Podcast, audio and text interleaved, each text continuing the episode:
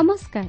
ଆରମ୍ଭ କରୁଛୁ ଆମର ବାଇବଲ ଅଧ୍ୟୟନର କାର୍ଯ୍ୟକ୍ରମ ପଥ ପ୍ରଦର୍ଶିକା। ପବିତ୍ର ବାଇବଲ କହେ କାରଣ ପାପର ବେତନ ମୃତ୍ୟୁ କିନ୍ତୁ ଈଶ୍ୱରଙ୍କ ଅନୁଗ୍ରହ ଦାନ ଆମ୍ଭମାନଙ୍କର ପ୍ରଭୁ ଖ୍ରୀଷ୍ଟ ଯୀଶୁଙ୍କ ସହଭାଗିତାରେ ଅନନ୍ତ ଜୀବନ ଅଟେ। ଆସନ୍ତୁ ସେହି ମୃତ୍ୟୁର ଭୟରୁ ରକ୍ଷା ପାଇ ଅନନ୍ତ ଜୀବନର ଅଧିକାରୀ ହେବା ନିମନ୍ତେ ଶୁଣିବା ବେତାର କାର୍ଯ୍ୟକ୍ରମ ପଥ ପ୍ରଦର୍ଶିକା।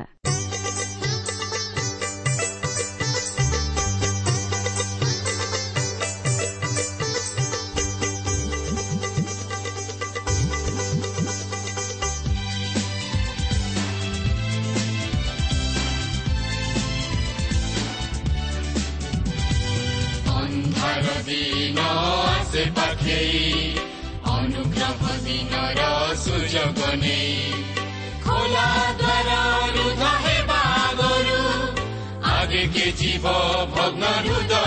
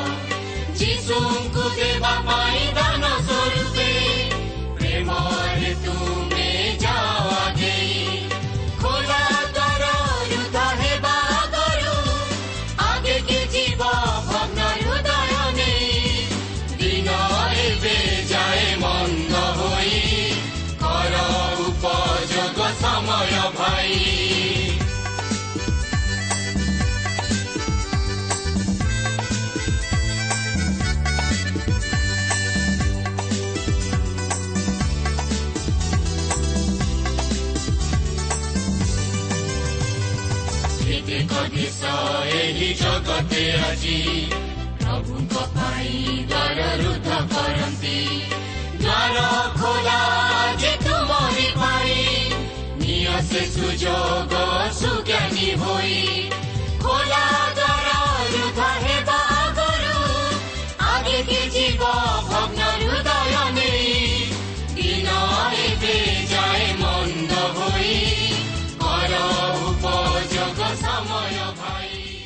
ପ୍ରିୟ ଶ୍ରୋତା ବନ୍ଧୁ ଆଜିର ଏହି ଶୁଭ ଅବସରରେ ଆମମାନଙ୍କର ସୃଷ୍ଟିକର୍ତ୍ତା ତଥା ଉଦ୍ଧାରକର୍ତ୍ତା ନିତ୍ୟ ଜୀବିତ ପ୍ରଭୁ ଯୀଶୁ ଖ୍ରୀଷ୍ଟଙ୍କ ବହୁମୂଲ୍ୟ ନାମରେ ଶୁଭେଚ୍ଛା ଜଣାଏ। ଆଜିର ଏହି ପଥ ପ୍ରଦର୍ଶିକା କାର୍ଯ୍ୟକ୍ରମକୁ ଆପଣଙ୍କୁ ସ୍ୱାଗତ ଜଣାଏ। ଆପଣ ଆପଣଙ୍କର ବହୁମୂଲ୍ୟ ସମୟ ଦେଇଥିବାରୁ ଆମେ ମଧ୍ୟ ଆପଣଙ୍କ ନିକଟରେ ବିଶେଷ ଧନ୍ୟବାଦୀ।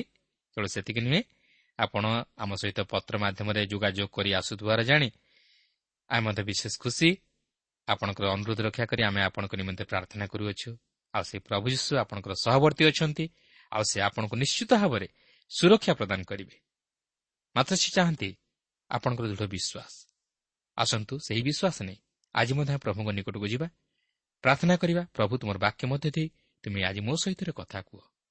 ଆସନ୍ତୁ ପ୍ରାର୍ଥନା କରିବା। ପବିତ୍ର ପ୍ରଭୁ ଧନ୍ୟବାଦ କରୁଅଛି ସୁନ୍ଦର ବାକ୍ୟ ପାଇଁ ତୁମର ଆଶୀର୍ବାଦ ପାଇଁ ଅନୁଗ୍ରହ ପାଇଁ। ହଁ ପ୍ରଭୁ ସେହି ବାକ୍ୟ ମଧ୍ୟ ଦେଇ ଆଜି ତୁମେ ମୋ ହୃଦୟରେ କଥା କୁହ। ତୁମେ ମୋତେ ଶାନ୍ତି ଦିଅ ତୁମେ ମୋତେ ଆନନ୍ଦ ଦିଅ ପ୍ରଭୁ। ତୁମେ ଆମ ପ୍ରତ୍ୟେକଙ୍କୁ ତୁମରି ଆଶୀର୍ବାଦ ଅନୁଗ୍ରହରେ ପରିପୂର୍ଣ୍ଣ କର। ପ୍ରତ୍ୟେକ ଶ୍ରୋତାବନ୍ଧୁମାନଙ୍କର ଆବଶ୍ୟକତା ପ୍ରଭୁ ତୁମେ ପରିପୂର୍ଣ୍ଣ କରି ପ୍ରଭୁ ତୁମେ ସେମାନଙ୍କ ଜୀବନ ମଧ୍ୟ ଦେଇ ଗୌରବାନ୍ୱିତ ହୁଅ। ତୁମର ବାକ୍ୟ ମଧ୍ୟ ଦେଇ ପ୍ରଭୁ ତୁମେ ଆମମାନଙ୍କ ସହିତ କଥା କୁହ। ଯୀଶୁଙ୍କ ନାମରେ ମାଗୁଅଛୁ ଆମେନ୍।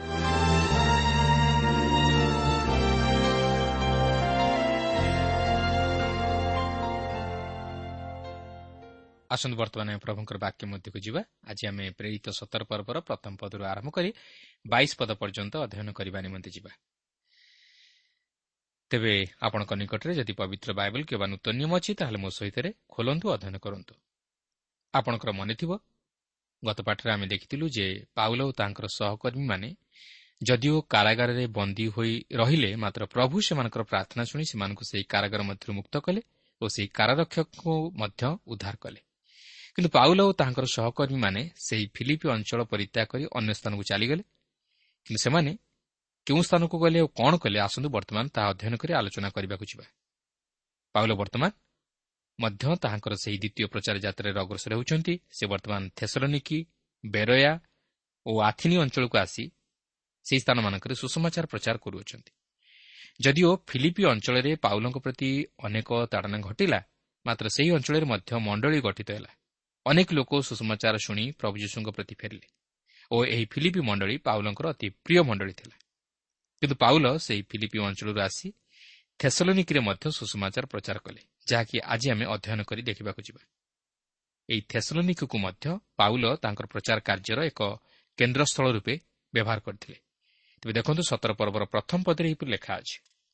ପରେ ସେମାନେ ଆମ୍ଫିପଲି ଓ ଆପୋଲୋନିଆ ଦେଇ ଯାତ୍ରା କରି ଥେସଲୋନିକକୁ ଆସିଲେ ସେଠାରେ ଜୁହୁଦୀମାନଙ୍କର ଗୋଟିଏ ସମାଜ ଗୃହ ଥିଲା ଏଥିପୂର୍ବରୁ ମୁଁ ଆପଣଙ୍କୁ କହିସାରିଛି ଯେ ପାଉଲ ଯେଉଁ ଯେଉଁ ସ୍ଥାନକୁ ଯାଉଥିଲେ ସେହିସବୁ ସ୍ଥାନମାନଙ୍କରେ ଥିବା ସମାଜ ଗୃହ ସମୂହରେ ପ୍ରଥମେ ସେ ଶିକ୍ଷା ଦେଉଥିଲେ ଓ ସେଠାରୁ ବିଜାତୀୟମାନଙ୍କ ନିକଟକୁ ଯାଇ ସୁସମାଚାର ପ୍ରଚାର କରିବା ନିମନ୍ତେ ପଥ ଖୋଲି ଯାଉଥିଲା। ଜୁହୁଦୀମାନଙ୍କ ମଧ୍ୟରୁ ଯଦିଓ ସମସ୍ତେ ପ୍ରଭୁ ଯୀଶୁଙ୍କୁ ଗ୍ରହଣ କରୁନଥିଲେ ମାତ୍ର ସେମାନଙ୍କ ମଧ୍ୟରୁ ଅଳ୍ପ କେତେକ ପ୍ରଭୁ ଯୀଶୁଙ୍କଠାରେ ବିଶ୍ୱାସ କରୁଥିଲେ। ଏହି ପ୍ରକାର ମଣ୍ଡଳୀ ସ୍ଥିତିବାନରେ ପରିଣତ ହେଉଥିଲା। ଓ ଜିହୁଦୀ ଓ ବିଜାତୀୟମାନଙ୍କୁ ନେଇ ମଣ୍ଡଳୀଗୁଡ଼ିକ ଗଢ଼ି ଉଠିଥିଲା। ଏହା ହିଁ ଥିଲା ପାଉଲଙ୍କର ପ୍ରଚାର କୌଶଳ। ଏଠାରେ ଆମେ ଦେଖୁଛୁ ଯେ ସେମାନେ ଫିଲିପିରୁ ଆମ୍ଫିପଲି ଦେଇ ଥେସଲନିକୁକୁ ଆସିଲେ। ଏହି ଆମ୍ଫିପଲିକୁ ନଅ ଗୋଟି ରାସ୍ତା ବୋଲି ମଧ୍ୟ କୁହାଯାଏ ଯେଉଁ ନାମ କି ବାଣିଜ୍ୟିକ ଭାବେ ଓ ପ୍ରଣାଳୀ ଭାବେ ଏହାର ଗୁରୁତ୍ୱପୂର୍ଣ୍ଣତାକୁ ପ୍ରକାଶ କରେ। ଅଧିକାଂଶ ସହରଗୁଡ଼ିକ ବର୍ଗାକାର ଭାବେ ତିଆରି ହୋଇଥିବା ସ୍ଥଳେ ଏହି ନଗରର ନିର୍ମାଣ କୌଶଳ ଗୋଲାକାର ଓ ଏହି ନଗରର ପ୍ରାଚୀର ମଧ୍ୟ ଗୋଲାକାର। ଏହା ଏକ ଗୁରୁତ୍ୱପୂର୍ଣ୍ଣ ସ୍ଥାନ ଥିଲା ଓ ଯାତାୟାତର ନିମନ୍ତେ ରାସ୍ତାଗୁଡ଼ିକ ସିଧାସଳଖ ଥିଲା। ଏହା ମଧ୍ୟ ଦେଇ ଏକ ରାଜପଥ ଯାଇଥିଲା ଯାହାକି ରୋମିଓ ସୈନ୍ୟମାନେ ବ୍ୟବହାର କରୁଥିଲେ। ଏହି ରାସ୍ତାରେ ବଣିକମାନେ ମଧ୍ୟ ଯାତାୟାତ କରୁଥିଲେ। କିନ୍ତୁ ବର୍ତ୍ତମାନ ଏହିପରି ଏକ ରାସ୍ତାରେ ମିଶନେରୀମାନେ ଯାତ୍ରା କରୁଛନ୍ତି ସେହି ଥେସଲୋନିକି ଆଡ଼କୁ। ଆପୋଲୋନିଆ ମଧ୍ୟ ଏହି ରାସ୍ତାରେ ପଡ଼ୁଥିଲା ଯାହା ମଧ୍ୟ ଦେଇ ପାଉଲ ଓ ତାହାଙ୍କର ସହକର୍ମୀମାନେ ଥେସଲୋନିକକୁ ଆସିଥିଲେ। ଆପୋଲୋନିଆଠାରୁ ଥେସଲୋନିକି ପ୍ରାୟ ଅଠତିରିଶ ମାଇଲ ଦୂରରେ ଥିଲା। ଏହି ଥେସଲୋନିକି ଏକ ଦ୍ୱୀପ ଥିଲା କିନ୍ତୁ ଏହା ମଧ୍ୟ ଏକ ସମୁଦ୍ର କୂଳରେ ଥିଲା। ଯେହେତୁ ତିନୋଟି ନଦୀ ଏହି ସ୍ଥାନରୁ ବାହାରି ସମୁଦ୍ରରେ ମିଶିଅଛନ୍ତି। ଏହା ଏକ ସୁନ୍ଦର ସହର ଥିଲା ଏକ ରୋମିଓ ନଗର ଥିଲା। ଖ୍ରୀଷ୍ଟପୂର୍ବ ତିନିଶହ ପନ୍ଦରରେ କାସାଣ୍ଡର ଏହାକୁ ପୁନଃନିର୍ମାଣ କରିଥିଲେ ଏବଂ କୁହାଯାଏ ଯେ ଆଲେକ୍ଜାଣ୍ଡରଙ୍କ ସାବତ ଭଉଣୀ ଥେସଲ ନାୟିକା ନାମରେ ଏହି ନଗରର ନାମକରଣ କରାଯାଇଥିଲା ଥେସଲନିକି। ସେଠାରେ କେତେକ ଉଷ୍ମ ପ୍ରସ୍ରବଣ ଥିଲା ଏବଂ ଏହି ନଗରର ପୂର୍ବତନ ନାମ ଥିଲା ଥର୍ମା କିମ୍ବା ଥର୍ମି। କାସାଣ୍ଡାର ହେଉଛନ୍ତି ବୀର ଆଲେକ୍ଜାଣ୍ଡରଙ୍କର ଜେନେରାଲ ଥିଲେ ଓ ଆଲେକ୍ଜାଣ୍ଡରଙ୍କ ମୃତ୍ୟୁ ପରେ କାସାଣ୍ଡର ସେହି ଅଞ୍ଚଳର ଶାସକ ହେଲେ। କିନ୍ତୁ ପାଉଲଙ୍କ ସମୟରେ ଏହି ନଗର ରୋମିଓ ନଗର ରୂପେ ପରିଚିତ ଥିଲା। ଦୁଇ ଓ ତିନି ପଦରେ ଏହିପରି ଲେଖା ଅଛି ଆଉ ପାଉଲ ଆପଣା ରୀତି ଅନୁସାରେ ସେମାନଙ୍କ ନିକଟକୁ ଗଲେ ପୁଣି ତିନି ବିଶ୍ରାମବାର ପର୍ଯ୍ୟନ୍ତ ଶାସ୍ତ୍ରର ବାକ୍ୟ ଘିନି ସେମାନଙ୍କୁ ଉପଦେଶ ଦେଲେ। ପୁଣି ଖ୍ରୀଷ୍ଟଙ୍କର ଯେ ମୃତ୍ୟୁଭୋଗ ଓ ମୃତମାନଙ୍କ ମଧ୍ୟରୁ ଉତ୍ଥାନ କରିବା ଆବଶ୍ୟକ ଥିଲା ଆଉ ସେ ଯେଉଁ ଯୀଶୁଙ୍କୁ ସେମାନଙ୍କ ନିକଟରେ ଘୋଷଣା କରୁଅଛନ୍ତି ସେ ଯେ ଖ୍ରୀଷ୍ଟ ଏହାର ସ୍ପଷ୍ଟ ପ୍ରମାଣ ଦେଲେ। ଦେଖନ୍ତୁ ପାଉଲ ତାଙ୍କର ଧାରା ଅନୁଯାୟୀ ପ୍ରଥମେ ସେହି ଥେସଲିନିକିର ସମାଜ ଗୃହରେ ସୁସମାଚାର ପ୍ରଚାର କରୁଅଛନ୍ତି। ସେ ସେଠାରେ ମାତ୍ର ତିନି ବିଶ୍ରାମ ବାର ପର୍ଯ୍ୟନ୍ତ ରହିଥିଲେ। ଅର୍ଥାତ୍ ସେ ସେଠାରେ ମାସେ ପର୍ଯ୍ୟନ୍ତ ମଧ୍ୟ ରହିପାରି କିନ୍ତୁ ସେହି ସ୍ୱଳ୍ପ ସମୟର ରହଣି ମଧ୍ୟରେ ସେ ତାଙ୍କର ପ୍ରଚାର କାର୍ଯ୍ୟ କଲେ। ବିଶ୍ୱାସୀମାନେ ଖ୍ରୀଷ୍ଟଙ୍କ ନିକଟକୁ ଆସିଲେ। ମଣ୍ଡଳୀ ଗଢ଼ି ଉଠିଲା ଏବଂ ପାଉଲ ସେମାନଙ୍କୁ ଶିକ୍ଷା ଦେଲେ। ସେହି ସ୍ୱଳ୍ପ ସମୟର ରହଣି ମଧ୍ୟରେ ସେ ଈଶ୍ୱରଙ୍କର ବାକ୍ୟ ମଧ୍ୟରୁ ଗଭୀର ବିଷୟମାନ ସେମାନଙ୍କୁ ଶିଖାଇଲେ। ଏପରିକି ମଣ୍ଡଳୀର ମଧ୍ୟାକାଶରେ ଖ୍ରୀଷ୍ଟଙ୍କ ସହିତ ମିଳିତ ହେବା ବିଷୟ ନେଇ ମଧ୍ୟ ସେ ସେମାନଙ୍କୁ ଶିକ୍ଷା ଦେଲେ। ଯାହାକି ଆମେ ପ୍ରଥମ ଥେସଲୋନିକୀୟ ପତ୍ରରେ ପ୍ରେରିତ ପାଉଲ ଥେସଲୋନିକୀୟମାନଙ୍କ ନିକଟକୁ ଉଲ୍ଲେଖ କରିବାର ଲକ୍ଷ୍ୟ କରିବାକୁ ପାରିବା। ସେହି ମାସକ ମଧ୍ୟରେ ପାଉଲ ସେଠାରେ ଅନେକ କିଛି ପ୍ରଚାର କାର୍ଯ୍ୟ କରିବାର ସୁଯୋଗ ପାଇଥିଲେ ଓ ଅତି ଅଳ୍ପ ଦିନ ମଧ୍ୟରେ ସେହି ସ୍ଥାନରେ ସେ ମଣ୍ଡଳୀ ପ୍ରତିଷ୍ଠିତ କରିପାରିଥିଲେ। ବର୍ତ୍ତମାନ ତାହାଙ୍କର ସମ୍ବାଦ ଉପରେ ଟିକେ ଦୃଷ୍ଟି ଦେବା। ପୁରାତନ ନିୟମ ଅନୁଯାୟୀ ପ୍ରଭୁ ଯୀଶୁଖ୍ରୀଷ୍ଟଙ୍କର ମୃତ୍ୟୁ ଓ ପୁନରୁତ୍ଥାନ ଘଟିବା ଆବଶ୍ୟକ ଥିଲା ତାହା ପାଉଲ ଅତି ଦୃଢ଼ ରୂପେ ପ୍ରକାଶ କରନ୍ତି। ପ୍ରିୟ ବନ୍ଧୁ ପ୍ରେରିତ ପୁସ୍ତକରେ ପାଉଲ କିମ୍ବା ପିତର ପୁନରୁତ୍ଥାନର ସମ୍ବାଦକୁ ବାଦ୍ ଦେଇ କୌଣସି ସ୍ଥାନରେ ସୁସମାଚାର ପ୍ରଚାର କରିବାର ବିଷୟ ଆପଣ ଦେଖିବାକୁ ପାଇବେ ନାହିଁ। ପୁନରୁତ୍ଥାନ ସେମାନଙ୍କର ସମ୍ବାଦର ମୁଖ୍ୟ ବିଷୟବସ୍ତୁ ଥିଲା। କିନ୍ତୁ ପ୍ରିୟ ବନ୍ଧୁ ବର୍ତ୍ତମାନର ପାଳକ ପ୍ରଚାରକମାନେ ପ୍ରଚାର କରିବା ସମୟରେ ପୁନରୁତ୍ଥାନର ସମ୍ବାଦ ଉପରେ ବିଶେଷ ଗୁରୁତ୍ୱ ଦିଅନ୍ତି ନାହିଁ କି ପୁନରୁତ୍ଥାନର ସମ୍ବାଦ ପ୍ରଚାର କରନ୍ତି ନାହିଁ। ମାତ୍ର କେବଳ ପ୍ରଭୁ ଯୀଶୁଖ୍ରୀଷ୍ଟଙ୍କର ମୃତ୍ୟୁ ଉପରେ ବିଶେଷ ଗୁରୁତ୍ୱ ଦିଅନ୍ତି। କିନ୍ତୁ ପ୍ରଭୁ ଯୀଶୁଖ୍ରୀଷ୍ଟ ଯଦିଓ ଆମମାନଙ୍କର ପାପ ନିମନ୍ତେ କୃଷି ମୃତ୍ୟୁବରଣ କଲେ ମାତ୍ର ସେ ତୃତୀୟ ଦିନରେ ମୃତ୍ୟୁକୁ ଜୟ କରି ଉଠି ପିତା ଈଶ୍ୱରଙ୍କ ସିଂହାସନର ଦକ୍ଷିଣ ପାର୍ଶ୍ୱରେ ଉପବେଶନ କରିଅଛନ୍ତି ସେ ଆଜି ମଧ୍ୟ ଜୀବିତ। ଯଦି ପ୍ରଭୁ ଶ୍ରୀଖ୍ରୀଷ୍ଟ ମୃତ୍ୟୁକୁ ଜୟ କରିନଥାନ୍ତେ ତାହେଲେ ସୁଷମାଚାରର ସତ୍ୟତା ପ୍ରତିପାଦିତ ହୋଇପାରିନଥାନ୍ତା କିନ୍ତୁ ପ୍ରଭୁ ଯୀଶୁଖ୍ରୀଷ୍ଟ ମୃତ୍ୟୁକୁ ଜୟ କରିବା ଦ୍ୱାରା ସେ ଆମମାନଙ୍କ ନିମନ୍ତେ ଧାର୍ମିକତା ସ୍ୱରୂପ ହେଲେ ଓ ସେ ସୁଷମାଚାରର ସତ୍ୟତାକୁ ପ୍ରମାଣିତ କଲେ। ତାହିଁ ହେଉଛି ସୁଷମାଚାରର ଗୁରୁତ୍ୱପୂର୍ଣ୍ଣ ବିଷୟ ଆଜି ଆମେ ପ୍ରତ୍ୟେକ ପ୍ରଭୁ ଶ୍ରୀଖ୍ରୀଷ୍ଟଙ୍କର ମୃତ୍ୟୁ ଓ ପୁନରୁତ୍ଥାନ ବିଷୟ ନେଇ ଆଲୋଚନା କରୁ କିନ୍ତୁ ପ୍ରଶ୍ନ ହେଉଛି ଆମେ କେତେ ଦୂର ତାହା ହୃଦୟଙ୍ଗମ କରିପାରିଛୁ ବା ତହିଁରେ ବିଶ୍ୱାସ ସ୍ଥାପନ କରିଛୁ ପ୍ରଭୁ ଯୀଶୁଖ୍ରୀଷ୍ଟ ଯେ ମୋହର ପାପ ନିମନ୍ତେ ମୃତ୍ୟୁଭୋଗ କଲେ ଓ ମୃତ୍ୟୁରୁ ପୁନରୁତ୍ଥି ହେଲେ ଓ ବର୍ତ୍ତମାନ ସେ ଯେ ଜୀବିତ ଏହା କ'ଣ ଦୃଢ଼ ରୂପେ ବିଶ୍ୱାସ କରୁ କି? ପାଉଲଙ୍କର ସମ୍ବାଦ ତାହା ହିଁ ଥିଲା। ସେଦିନ ଅନେକ ଏହି ସୁଷମାଚାରର ସତ୍ୟତାକୁ ଗ୍ରହଣ କରିପାରିନଥିଲେ ଆଜି ମଧ୍ୟ ଅନେକ ଏହା ଗ୍ରହଣ କରିବା ନିମନ୍ତେ ଚାହାନ୍ତି ନାହିଁ। ସେମାନେ ଯଦିଓ ପ୍ରଭୁ ଯୀଶୁଖ୍ରୀଷ୍ଟଙ୍କର ମୃତ୍ୟୁ ଓ ପୁନରୁତ୍ଥାନ ବିଷୟ ଜାଣନ୍ତି ଓ ଶୁଣନ୍ତି ମାତ୍ର ବିଶ୍ୱାସର ସହିତ ଗ୍ରହଣ କରିପାରନ୍ତି ନାହିଁ। କିନ୍ତୁ ଆମେ ଯଦି ଏହାକୁ ବିଶ୍ୱାସର ସହିତ ଗ୍ରହଣ ନ କରୁ ତାହେଲେ ଏହି କାର୍ଯ୍ୟକ୍ରମ ଶୁଣିବା ଆମମାନଙ୍କ ପକ୍ଷରେ ବୃଥା। ପାଉଲ ତିନୋଟି ବିଶ୍ରାମବାର ପର୍ଯ୍ୟନ୍ତ ସେହି ଥେସଲନିକିରେ ଥିଲେ ଓ ସେ କେବଳ ପ୍ରଭୁ ଯୀଶୁଙ୍କର ପୁନରୁତ୍ଥାନ ବିଷୟ ନେଇ ପ୍ରଚାର କରିଥିଲେ। ତେବେ ଦେଖନ୍ତୁ ସେମାନେ କିପରି ସେହି ସମ୍ବାଦକୁ ଗ୍ରହଣ କରୁଛନ୍ତି। ଚାରିପଦରେ ଲେଖା ଅଛି। ସେଥିରେ ସେମାନଙ୍କ ମଧ୍ୟରୁ କେତେକ ଜଣ ବିଶ୍ୱାସ କରି ପାଉଲ ଓ ଶିଲାଙ୍କ ସହିତ ଯୋଗ ଦେଲେ। ପୁଣି ଜିହୁଦୀ ମତାବଲମ୍ବୀ ଗ୍ରୀକ୍ମାନଙ୍କ ମଧ୍ୟରୁ ବହୁ ସଂଖ୍ୟକ ଲୋକ ଓ ଅନେକ ଭଦ୍ର ମହିଳା ସେମାନଙ୍କ ସହିତ ଯୋଗ ଦେଲେ। ଦେଖନ୍ତୁ ସେମାନଙ୍କ ମଧ୍ୟରୁ କେତେକ ସେହି ସମ୍ବାଦ ଶୁଣି ବିଶ୍ୱାସ କଲେ ଓ ପାଉଲ ଏବଂ ଶିଲାଙ୍କ ସହିତ ଯୋଗ ଦେଲେ। ଏହା ହିଁ ସାଧାରଣତଃ ଘଟେ। ଈଶ୍ୱରଙ୍କ ବାକ୍ୟ ଯଦିଓ ସମସ୍ତେ ଶୁଣନ୍ତି ମାତ୍ର ସମସ୍ତେ ଗ୍ରହଣ କରିପାରନ୍ତି ନାହିଁ। ସେମାନଙ୍କ ମଧ୍ୟରୁ କେତେକ ଗ୍ରହଣ କରନ୍ତି ଓ ବିଶ୍ୱାସ କରନ୍ତି। ମାତ୍ର ଆଉ କେତେକ ଗ୍ରହଣ କରନ୍ତି ନାହିଁ ବା ବିଶ୍ୱାସ କରନ୍ତି ନାହିଁ। ଏଠାରେ ଆମେ ଦେଖୁଛୁ ଯେ ଲୋକ କହନ୍ତି ସେମାନଙ୍କ ମଧ୍ୟରୁ ଅନେକ ଭଦ୍ର ମହିଳା ମଧ୍ୟ ପ୍ରଭୁଙ୍କଠାରେ ବିଶ୍ୱାସ କରି ତାହାଙ୍କ ପ୍ରତି ଫେରିଲେ ଓ ଅନେକ ଲୋକ ମଧ୍ୟ ଫେରିଲେ। ବାସ୍ତବରେ ଏହା କ'ଣ ଚମତ୍କାର ବିଷୟ ନୁହେଁ କି? ପାଞ୍ଚ ପତ୍ରରେ ଲେଖା ଅଛି କିନ୍ତୁ ଜୁହୁଦୀମାନେ ଈର୍ଷାରେ ଜଳି ଉଠି ବଜାରର କେତେକ ଦୁଷ୍ଟ ଲୋକଙ୍କୁ ସାଙ୍ଗରେ ଘେନି ଲୋକ ଗହଳ କରି ନଗରରେ ଗଣ୍ଡଗୋଳ ଲଗାଇଦେଲେ। ଆଉ ଜାସନଙ୍କ ଗୃହ ଆକ୍ରମଣ କରି ସେମାନଙ୍କୁ ଲୋକମାନଙ୍କ ନିକଟକୁ ବାହାର କରି ଆଣିବା ପାଇଁ ଚେଷ୍ଟା କଲେ। ଦେଖନ୍ତୁ ଏଠାରେ ମଧ୍ୟ ପ୍ରଚାର କାର୍ଯ୍ୟରେ ପ୍ରତିବନ୍ଧକ ଉପୁଜୁଛି। ଏହା ହେଉଛି ଶୈତାନର କାର୍ଯ୍ୟ। ସେ ଚାହେଁ ନାହିଁ ଯେ ପ୍ରଭୁଙ୍କର ସୁଷମାଚାର ପ୍ରଚାରିତ ହେଉ ଓ ଲୋକେ ଉଦ୍ଧାର ପାଆନ୍ତୁ। ତେଣୁକରି ସେ ଏହି କାର୍ଯ୍ୟରେ ପ୍ରତିବନ୍ଧକ ସୃଷ୍ଟି କରେ। ଆଜି ମଧ୍ୟ ଏହି ପ୍ରକାର ଲୋକମାନେ ଅଛନ୍ତି ଯେଉଁମାନେ ସୁଷମାଚାର ଶୁଣନ୍ତି ନାହିଁ କି ଅନ୍ୟମାନଙ୍କୁ ମଧ୍ୟ ଶୁଣିବାର ସୁଯୋଗ ଦିଅନ୍ତି ନାହିଁ। ସେମାନେ ଗଣ୍ଡଗୋଳ ପ୍ରଭୃତି କରନ୍ତି ଓ ପୁସ୍ତକ ପୁସ୍ତିକମାନ ଛଡ଼ାଇ ନେଇଯାଆନ୍ତି ଜଳାଇ ଦିଅନ୍ତି। ଏହାଦ୍ୱାରା ସେମାନେ ପ୍ରଭୁଙ୍କର ବିରୁଦ୍ଧାଚରଣ କାର୍ଯ୍ୟ କରନ୍ତି ଓ ପ୍ରଭୁଙ୍କର ବିରୁଦ୍ଧରେ ଯାଆନ୍ତି। କିନ୍ତୁ ସୁଷମାଚାରର ସତ୍ୟତାକୁ ସେମାନେ କେବେ ହେଲେ ଲୁଚେଇ ରଖିପାରିବେ ନାହିଁ। ସମସ୍ତ ପ୍ରକାରର ପ୍ରତିବନ୍ଧକ ସତ୍ୟ ମଧ୍ୟ ଏହା ପ୍ରଚାରିତ ହୋଇ ଚାଲିଥିବ ଓ ଲୋକେ ମଧ୍ୟ ତାହା ଶୁଣି ଖ୍ରୀଷ୍ଟଙ୍କଠାରେ ବିଶ୍ୱାସ କରି ତାହାଙ୍କର ନିକଟବର୍ତ୍ତୀ ହେଉଥିବେ। ହୁଏତ ସମସ୍ତେ ଖ୍ରୀଷ୍ଟଙ୍କର ହୋଇନପାରନ୍ତି ମାତ୍ର ଯେଉଁମାନଙ୍କୁ ଖ୍ରୀଷ୍ଟ ମନୋନୀତ କରିଅଛନ୍ତି ସେମାନେ ନିଶ୍ଚିତ ଭାବେ ଖ୍ରୀଷ୍ଟଙ୍କ ନିକଟକୁ ଫେରିଆସିବେ ଉଦ୍ଧାର ପାଇବେ। ଏଥିରେ ତିଳେ ହେଲେ ସନ୍ଦେହ ନାହିଁ। ଛଅ ପଦରେ ଲେଖା ଅଛି ମାତ୍ର ସେମାନଙ୍କୁ ନ ପାଇବାରୁ ସେମାନେ ଜାସନ ଓ କେତେକ ଭାଇଙ୍କୁ ନଗରର ଶାସନକର୍ତ୍ତାମାନଙ୍କ ନିକଟକୁ ଟାଣି ଆଣି ଉଚ୍ଚସ୍ୱରରେ ଡାକି କହିଲେ ଏ ଯେଉଁ ଲୋକଗୁଡ଼ାକ ନଗରକୁ ଓଲଟପାଲଟ କରି ପକାଇଲେଣି ସେମାନେ ଏଠାକୁ ମଧ୍ୟ ଆସିଅଛନ୍ତି। ସେମାନଙ୍କୁ ଜାସନ ଗ୍ରହଣ କରିଅଛି। ବାସ୍ତବରେ ପାଉଲ ଓ ତାଙ୍କର ସଙ୍ଗୀମାନଙ୍କର ପ୍ରଚାର ଦ୍ୱାରା ଯେତେବେଳେ ଅନେକ ଲୋକ ଖ୍ରୀଷ୍ଟଙ୍କ ପ୍ରତି ଫେରିଲେ ସେତେବେଳେ ରୋମ୍ ସାମ୍ରାଜ୍ୟ ମଧ୍ୟରେ ଏକ ଅଦ୍ଭୁତ ପରିବର୍ତ୍ତନ ବିପ୍ଳବ ମଧ୍ୟ ଦେଖାଦେଲା। ସେମାନେ ଯେତେ ଅଧିକ ବାଧା ଦେବାକୁ ଲାଗିଲେ ସୁଷମାଚାର ସେତେ ଅଧିକ ପ୍ରଚାରିତ ହେବାକୁ ଲାଗିଲା। ଓ ଅନେକ ଗ୍ରୀକ୍ ଓ ଜିହୁଦୀ ଲୋକ ମଧ୍ୟ ତାହା ଶୁଣି ଖ୍ରୀଷ୍ଟଙ୍କ ପ୍ରତି ଫେରିଲେ। ଏହା ନିଶ୍ଚିତ ଭାବେ ରୋମ୍ ସାମ୍ରାଜ୍ୟ ନିମନ୍ତେ ଏକ ଘୋର ଚିନ୍ତାର କାରଣ ହୋଇପଡ଼ିଥିବ। ସେମାନଙ୍କ ମଧ୍ୟରେ ଗଣ୍ଡଗୋଳ ମଧ୍ୟ ସୃଷ୍ଟି ହୋଇଗଲା। ସେମାନେ ଯାହା ଚାହୁଁନଥିଲେ ତାହା ହିଁ ଅଧିକ ଘଟିଲା। ସୁସମାଚାର ଅଧିକରୁ ଅଧିକ ପ୍ରଚାରିତ ହେଲା ଓ ଅନେକ ଲୋକ ମଧ୍ୟ ତାହା ସମର୍ଥନ କଲେ। ତେଣୁ ବିପ୍ଳବ ଘଟିବା ଏକ ସାଧାରଣ କଥା। ସାତ ପଦରେ ଲେଖା ଅଛି ଯୀଶୁ ନାମରେ ଆଉ ଜଣେ ରାଜା ଅଛି ବୋଲି କହି ଏମାନେ ସମସ୍ତେ କାଇଶ୍ୱରଙ୍କ ଆଜ୍ଞାର ବିରୁଦ୍ଧାଚରଣ କରୁଅଛନ୍ତି। ଦେଖନ୍ତୁ ସେମାନେ କାଇଶ୍ୱରଙ୍କୁ ରାଜା ରୂପେ ମାନୁଥିଲେ କିନ୍ତୁ ଯୀଶୁଙ୍କୁ ନୁହେଁ। ସେମାନେ ଯୀଶୁଙ୍କୁ ଉଦ୍ଧାରକର୍ତ୍ତା ବା ରାଜା ରୂପେ ଗ୍ରହଣ କରିବାକୁ ଚାହୁଁନଥିଲେ। ପାଉଲ ଯେ କାଇଶ୍ୱରଙ୍କ ବିରୁଦ୍ଧରେ ପ୍ରଚାର କରୁଥିଲେ ତାହା ନୁହେଁ। ମାତ୍ର ସେମାନେ କାଇଶ୍ୱରଙ୍କୁ ମାନ୍ୟ କରିବାକୁ ଯାଇ ଓ କାଇଶ୍ୱରଙ୍କର ପ୍ରିୟପାତ୍ର ହେବାକୁ ଯାଇ ଯୀଶୁଙ୍କୁ ଅଗ୍ରାହ୍ୟ କରୁଥିଲେ।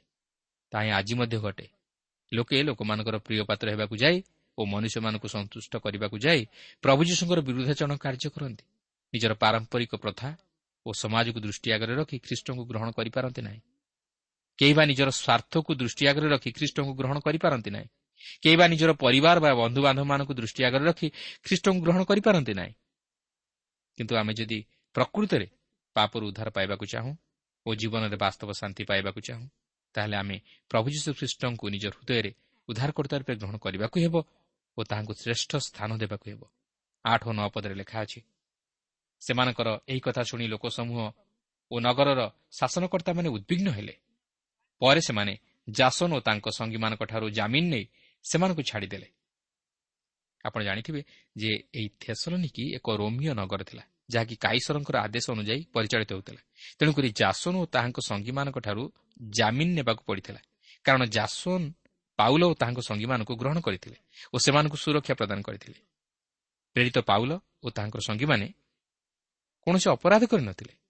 ମାତ୍ର ସେହି ନଗରର ଲୋକମାନେ ତାହାଙ୍କୁ ଦୋଷାରୋପ କରିଥିଲେ କାରଣ ସେମାନେ ପ୍ରଭୁ ଶ୍ରୀକୃଷ୍ଣଙ୍କର ମୃତ୍ୟୁ ଓ ପୁନରୁତ୍ଥାନ ବିଷୟ ପ୍ରଚାର କରୁଥିଲେ।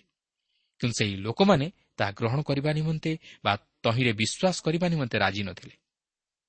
ସେମାନଙ୍କର ଅବିଶ୍ୱାସ ହିଁ ସେମାନଙ୍କର ବିନାଶର କାରଣ ହେଲା। ସେମାନେ ନିଜର ଅବିଶ୍ୱାସ ଲାଗି ବିନଷ୍ଟ ହେଲେ। ପ୍ରିୟ ବନ୍ଧୁ ଆଜି ଆପଣଙ୍କ ନିକଟରେ ସୁସମାଚାର ପ୍ରଚାରିତ ହେଉଅଛି। କିନ୍ତୁ ଆପଣ ତାହା ବିଶ୍ୱାସ କରିପାରନ୍ତି ବା ଅବିଶ୍ୱାସ କରିପାରନ୍ତି? ଆପଣ ଗ୍ରହଣ କରିପାରନ୍ତି ବା ଅଗ୍ରାହ୍ୟ କରିପାରନ୍ତି। କିନ୍ତୁ ଯଦି ଆପଣ ପ୍ରଭୁ ଶ୍ରୀକୃଷ୍ଣଙ୍କଠାରେ ବିଶ୍ୱାସ କରନ୍ତି ତାହେଲେ ଆପଣ ପାପରୁ ଉଦ୍ଧାର ପାଇ ଅନନ୍ତ ଜୀବନର ଅଧିକାରୀ ହେବେ। ଯଦି ଅବିଶ୍ୱାସ କରନ୍ତି ତାହେଲେ ଆପଣ ଈଶ୍ୱରଙ୍କ ଅନୁଗ୍ରହରୁ ବଞ୍ଚିତ ହୋଇ ଅନନ୍ତ ନରକରେ ନିକ୍ଷିପ୍ତ ହେବେ। ଆଜି ଆପଣ ଆପଣଙ୍କ ଜୀବନରେ କାହାକୁ ପ୍ରଭୁ ବୋଲି ମାନନ୍ତି ତାହା ମୁଁ ଜାଣେ ନା। କିନ୍ତୁ ଏହା ଯଦି ଖ୍ରୀଷ୍ଟଙ୍କ ଭିନ୍ନ ଅନ୍ୟ କେହି ହୋଇଥାନ୍ତି ତାହେଲେ ଆପଣ ଠିକ୍ କରିନାହାନ୍ତି। ଆପଣ କେବେ ହେଲେ ପାପରୁ ଉଦ୍ଧାର ପାଇପାରିବେ ନାହିଁ। ତେଣୁ ଆଜି ବି ସମୟ ଅଛି। ନିଜକୁ ସଂଶୋଧିତ କରିବା ନିମନ୍ତେ ଚେଷ୍ଟା କରନ୍ତୁ। ଯଦି ଏହି ସୁଯୋଗର ଆମେ ସଦ୍ବ୍ୟବହାର ନ କରୁ ତାହେଲେ ଆମେ ଉଦ୍ଧାର ପାଇପାରିବା ନାହିଁ। ତେଣୁ ଆସୁ ସମୟ ଥାଉଁ ଥାଉଁ ପ୍ରଭୁ ଯୀଶୁଙ୍କଠାରେ ବିଶ୍ୱାସ କରି ତାହାଙ୍କୁ ନିଜର ହୃଦୟରେ ଉଦ୍ଧାରକର୍ତ୍ତା ରୂପେ ଗ୍ରହଣ କରୁ ତାହେଲେ ଆମେ ବିନଷ୍ଟ ନ ହୋଇ ଅନନ୍ତ ଜୀବନରେ ପ୍ରବେଶ କରିପାରିବା। ତେବେ ସେହି ବେରୟାରେ ପାଉଲ କିପରି ତାଙ୍କର ପ୍ରଚାର କାର୍ଯ୍ୟ କଲେ ତାହା ବର୍ତ୍ତମାନ ଆମେ ଅଧ୍ୟୟନ କରି ଆଲୋଚନା କରିବାକୁ ଯିବା। ଦେଖନ୍ତୁ ସତର ପର୍ବର ଦଶ ପଦରେ ଲେଖା ଅଛି ପୁଣି ଭାଇମାନେ ଅବିଳମ୍ବରେ ପାଉଲ ଓ ଶିଲାଙ୍କୁ ରାତ୍ରିକାଳରେ ବେରୟାକୁ ପଠାଇଦେଲେ। ସେମାନେ ସେହି ସ୍ଥାନରେ ପହଞ୍ଚି ଜିହୁଦୀମାନଙ୍କ ସମାଜଗୃହକୁ ଗଲେ। ଆପଣ ଭାବୁଥିବେ ଯେ ପାଉଲ ବୋଧହୁଏ ଏହିପରି ତାଡ଼ନା ମଧ୍ୟ ଦେଇ ଗତି କରିବା ଦ୍ୱାରା ଭାଙ୍ଗି ପଡ଼ିଥିବେ ଓ ପ୍ରଚାର କାର୍ଯ୍ୟରେ ଦୁର୍ବଳ ହୋଇଯାଇଥିବେ। କିନ୍ତୁ ସେପରି ନୁହେଁ। ସେ ଆହୁରି ଅଧିକ ଶକ୍ତିର ସହିତ ପ୍ରଚାର କରିବାକୁ ଲାଗିଲେ। ସେ ବେରୟାକୁ ଯାଉଛନ୍ତି ସୁଷମାଚାର ପ୍ରଚାର କରିବା ନିମନ୍ତେ। ଓ ସେଠାରେ ମଧ୍ୟ ପ୍ରଥମେ ସେ ଜିଉଦୀମାନଙ୍କ ସମାଜଗୃହରେ ପ୍ରଚାର କରିବାକୁ ଲାଗିଲେ। ଏଗାର ପଦରେ ଲେଖା ଅଛି। ଥେସଲନିକିରେ ଥିବା ଜିହୁଦୀମାନଙ୍କଠାରୁ ଏମାନେ ସୁଶୀଳ ଥିଲେ ଏମାନେ ପୂର୍ଣ୍ଣ ଆଗ୍ରହରେ ବାକ୍ୟ ଗ୍ରହଣ କଲେ ପୁଣି ଏହି ସମସ୍ତ ସତ୍ୟ କି ନା ତାହା ଜାଣିବା ନିମନ୍ତେ ପ୍ରତିଦିନ ଶାସ୍ତ୍ର ଅନୁସନ୍ଧାନ କରୁଥିଲେ। ଏହି ବେରୟାର ଜିହୁଦୀମାନେ ଥେସଲନିକୀୟ ଜିହୁଦୀମାନଙ୍କ ଅପେକ୍ଷା ସୁଶୀଳ ଥିଲେ। ଏମାନେ ପାଉଲଙ୍କର ସୁଷମାଚାର ଶୁଣି ତାହା ପୂର୍ଣ୍ଣ ଆଗ୍ରହରେ ଗ୍ରହଣ କଲେ। ସେମାନେ ପ୍ରତିଦିନ ଶାସ୍ତ୍ର ଅନୁସନ୍ଧାନ କରୁଥିଲେ। ଓ ଏହା ସତ୍ୟ କି ନା ତାହା ଜାଣିବା ନିମନ୍ତେ ଚେଷ୍ଟା କରୁଥିଲେ। ଯାହାଫଳରେ ବେରୟାରେ ଏକ ମଣ୍ଡଳୀ ଗଠିତ ହୋଇପାରିଥିଲା। ତେବେ ଏଠାକାର ମଣ୍ଡଳୀ ବିଷୟ ନେଇ ଯଦିଓ କିଛି ପ୍ରକାଶ କରାଯାଇ ନାହିଁ ମାତ୍ର ଏକ ଚମତ୍କାର ବିଷୟ ହେଉଛି ଯେ ଯେଉଁଠାରେ ତାଡ଼ନା ଘଟୁଥିଲା ସେହିସବୁ ସ୍ଥାନମାନଙ୍କରେ ସବୁଠାରୁ ଦୃଢ଼ ମଣ୍ଡଳୀ ଗଠିତ ହୋଇପାରିଥିଲା ଓ ମଣ୍ଡଳୀର ଅଭିବୃଦ୍ଧି ମଧ୍ୟ ଘଟୁଥିଲା। କିନ୍ତୁ ବର୍ତ୍ତମାନ ସେହିପରି ଭାବେ ମଣ୍ଡଳୀର ଅଭିବୃଦ୍ଧି ଘଟୁନାହିଁ। ଏହାର କାରଣ ହେଉଛି ଯେ ମଣ୍ଡଳୀ ପ୍ରତି ସେହିପରି ତାଡ଼ନା ଘଟୁନାହିଁ। ତେଣୁକରି ଖ୍ରୀଷ୍ଟ ବିଶ୍ୱାସୀମାନେ ଆତ୍ମିକ ଜୀବନରେ ଶିଥିଳ ହୋଇଯାଉଛନ୍ତି। ତେବେ ସେ ଯାହୁନା କାହିଁକି ପାଉଲ ଏହି ବେରୟାରେ ବିଶେଷ ଖୁସି ହୋଇଯାଇଥିବେ ଯେହେତୁ ଜିହୁଦୀମାନେ ସୁଷମାଚାର ଆଗ୍ରହର ସହିତ ଶୁଣିଲେ ଓ ପ୍ରଭୁ ଯୀଶୁଙ୍କ ପ୍ରତି ଫେରିଲେ। ବାରପଦରେ ଲେଖା ଅଛି ତେଣୁ ସେମାନଙ୍କ ମଧ୍ୟରୁ ଅନେକ ଓ ଗ୍ରୀକ୍ମାନଙ୍କ ମଧ୍ୟରୁ ଅନେକ ସମ୍ଭ୍ରାନ୍ତ ମହିଳା ଓ ପୁରୁଷ ମଧ୍ୟ ବିଶ୍ୱାସ କଲେ। ଅନେକ ଲୋକ ପ୍ରଭୁଙ୍କଠାରେ ବିଶ୍ୱାସ କଲେ ବୋଲି ଲୋକ ଉଲ୍ଲେଖ କରନ୍ତି। ଯାହା ଜଣାଯାଏ ଅସଂଖ୍ୟ ଲୋକ ପ୍ରଭୁଙ୍କଠାରେ ବିଶ୍ୱାସ କଲେ। ଏକ ମହାନ ପରିବର୍ତ୍ତନ ଘଟିଥିଲା। ତେର ଓ ଚଉଦ ପଦରେ ଲେଖା ଅଛି କିନ୍ତୁ ଯେତେବେଳେ ଥେସଲୋନିକ ଜୁହୁଦୀମାନେ ଜାଣିଲେ ଯେ ଈଶ୍ୱରଙ୍କ ବାକ୍ୟ ପାଉଲଙ୍କ ଦ୍ୱାରା ବେରୟାରେ ସୁଦ୍ଧା ପ୍ରଚାରିତ ହେଉଅଛି ସେତେବେଳେ ସେମାନେ ସେ ସ୍ଥାନକୁ ମଧ୍ୟ ଆସି ଲୋକସମୂହଙ୍କୁ ଉତ୍ତେଜିତ ଓ ଉଦ୍ବିଗ୍ନ କଲେ। ସେଥିରେ ଭାଇମାନେ ଅବିଳମ୍ବରେ ପାଉଲଙ୍କୁ ସମୁଦ୍ର ଆଡ଼କୁ ଯିବା ପାଇଁ ପଠାଇଦେଲେ ଆଉ ଶିଲା ଓ ତିମଥି ସେହି ସ୍ଥାନରେ ରହିଲେ। ଦେଖନ୍ତୁ ସୁଷମାଚାର ପ୍ରଚାରରେ କି ପ୍ରକାର ଭାବେ ପ୍ରତିବନ୍ଧକ ଉପୁଜୁଛି? ଏଠାରେ ମଧ୍ୟ ସେହି ଥେସଲୋନିକ ଜୁହୁଦୀମାନେ ଆସି ଲୋକମାନଙ୍କୁ ମତାଇ ପାଉଲଙ୍କ ପ୍ରଚାର କାର୍ଯ୍ୟରେ ବାଧା ଉପୁଜାଇଲେ ଫଳରେ ସେହି ସ୍ଥାନର ଭାଇମାନେ ପାଉଲଙ୍କୁ ସୁରକ୍ଷା ପ୍ରଦାନ କରିବାକୁ ଯାଇ ତାହାଙ୍କୁ ସମୁଦ୍ର ଆଡ଼କୁ ଯିବା ପାଇଁ ପଠାଇଦେଲେ। କିନ୍ତୁ ଶିଲା ଓ ତିମଥି ସେହି ସ୍ଥାନରେ ରହିଗଲେ। ବର୍ତ୍ତମାନ ପାଉଲ ଏକାକୀ ପ୍ରଚାର କରିବା ନିମନ୍ତେ ଆଗେଇ ଯାଉଛନ୍ତି।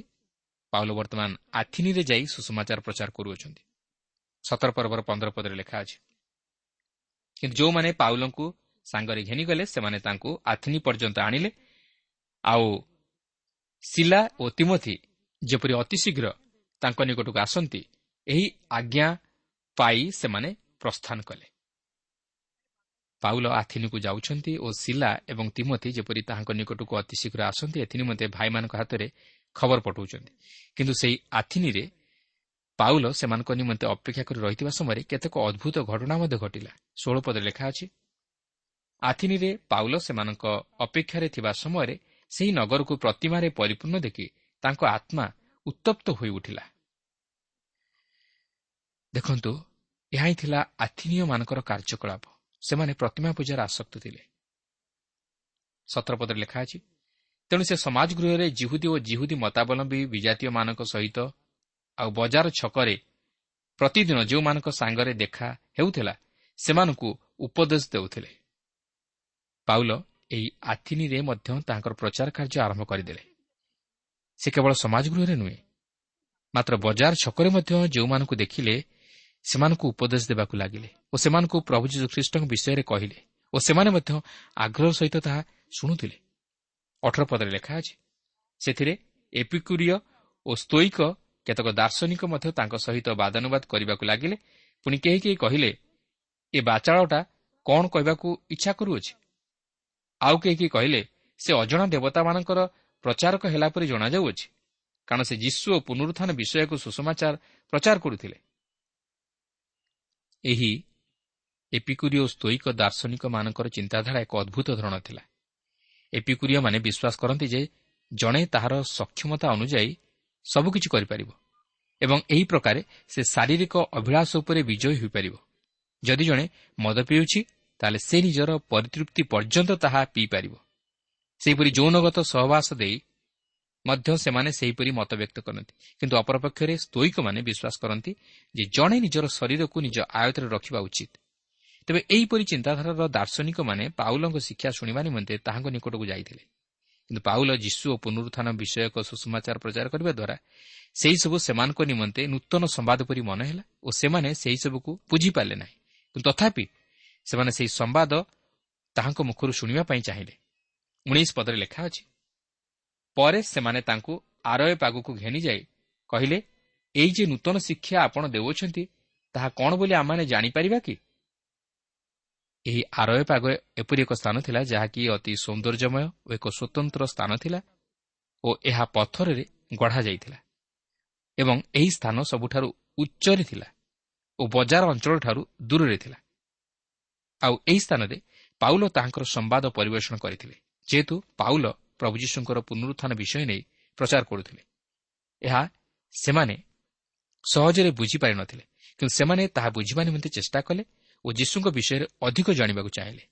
କୋଡ଼ିଏ ଓ ଏକୋଇଶ ପଦରେ ଲେଖା ଅଛି କାରଣ ଆପଣ କେତେକ ଅଦ୍ଭୁତ ବିଷୟ ଆମମାନଙ୍କ କର୍ଣ୍ଣଗୋଚର କରୁଅଛନ୍ତି। ଅତଏବ ଏହି ସମସ୍ତ କଥାର ଅର୍ଥ କ'ଣ?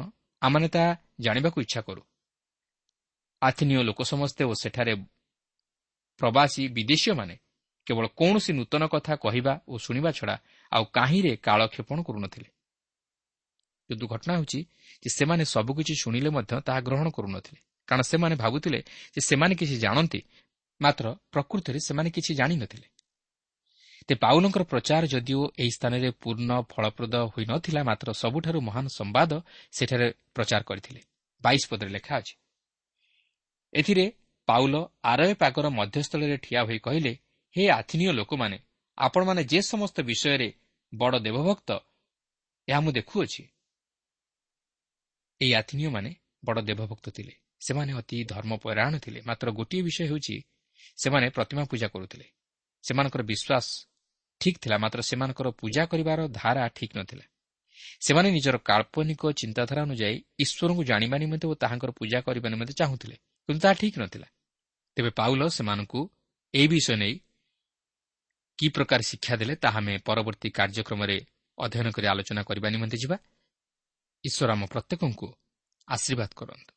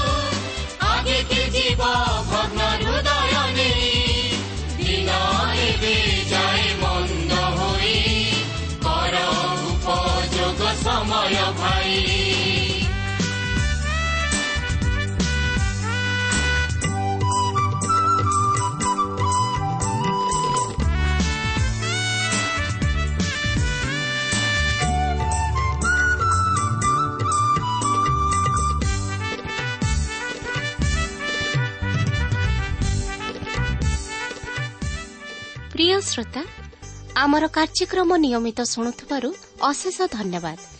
ଆପଣ ଏହି କାର୍ଯ୍ୟକ୍ରମ ଶୁଣିବା ଦ୍ୱାରା ଆତ୍ମିକ ଜୀବନରେ ଉପକୃତ ହୋଇପାରିଥିବେ ବୋଲି ଆମର ବିଶ୍ୱାସ। ପ୍ରଭୁ ଯୀଶୁଙ୍କ ବିଷୟରେ ଅଧିକ ଜାଣିବାର ଆଗ୍ରହ ଥିଲେ ଅଥବା ଉପାଦେୟ ପୁସ୍ତକର ଆବଶ୍ୟକ ଥିଲେ ଆମ ସହ ଯୋଗାଯୋଗ କରନ୍ତୁ। ଆମର ଠିକଣା ପଥ ପ୍ରଦର୍ଶିକା Trans World Radio India post box number ତିନି ତିନି ଭୁବନେଶ୍ୱର ସାତ ପାଞ୍ଚ ଏକ। Mobile number nine seven double seven double two one four one five. ঠিকଣାটি আউথরে শুণন্তু পথ প্রদর্শিকা Trans World Radio India post box number three three Bhubaneswar seven five one zero zero one.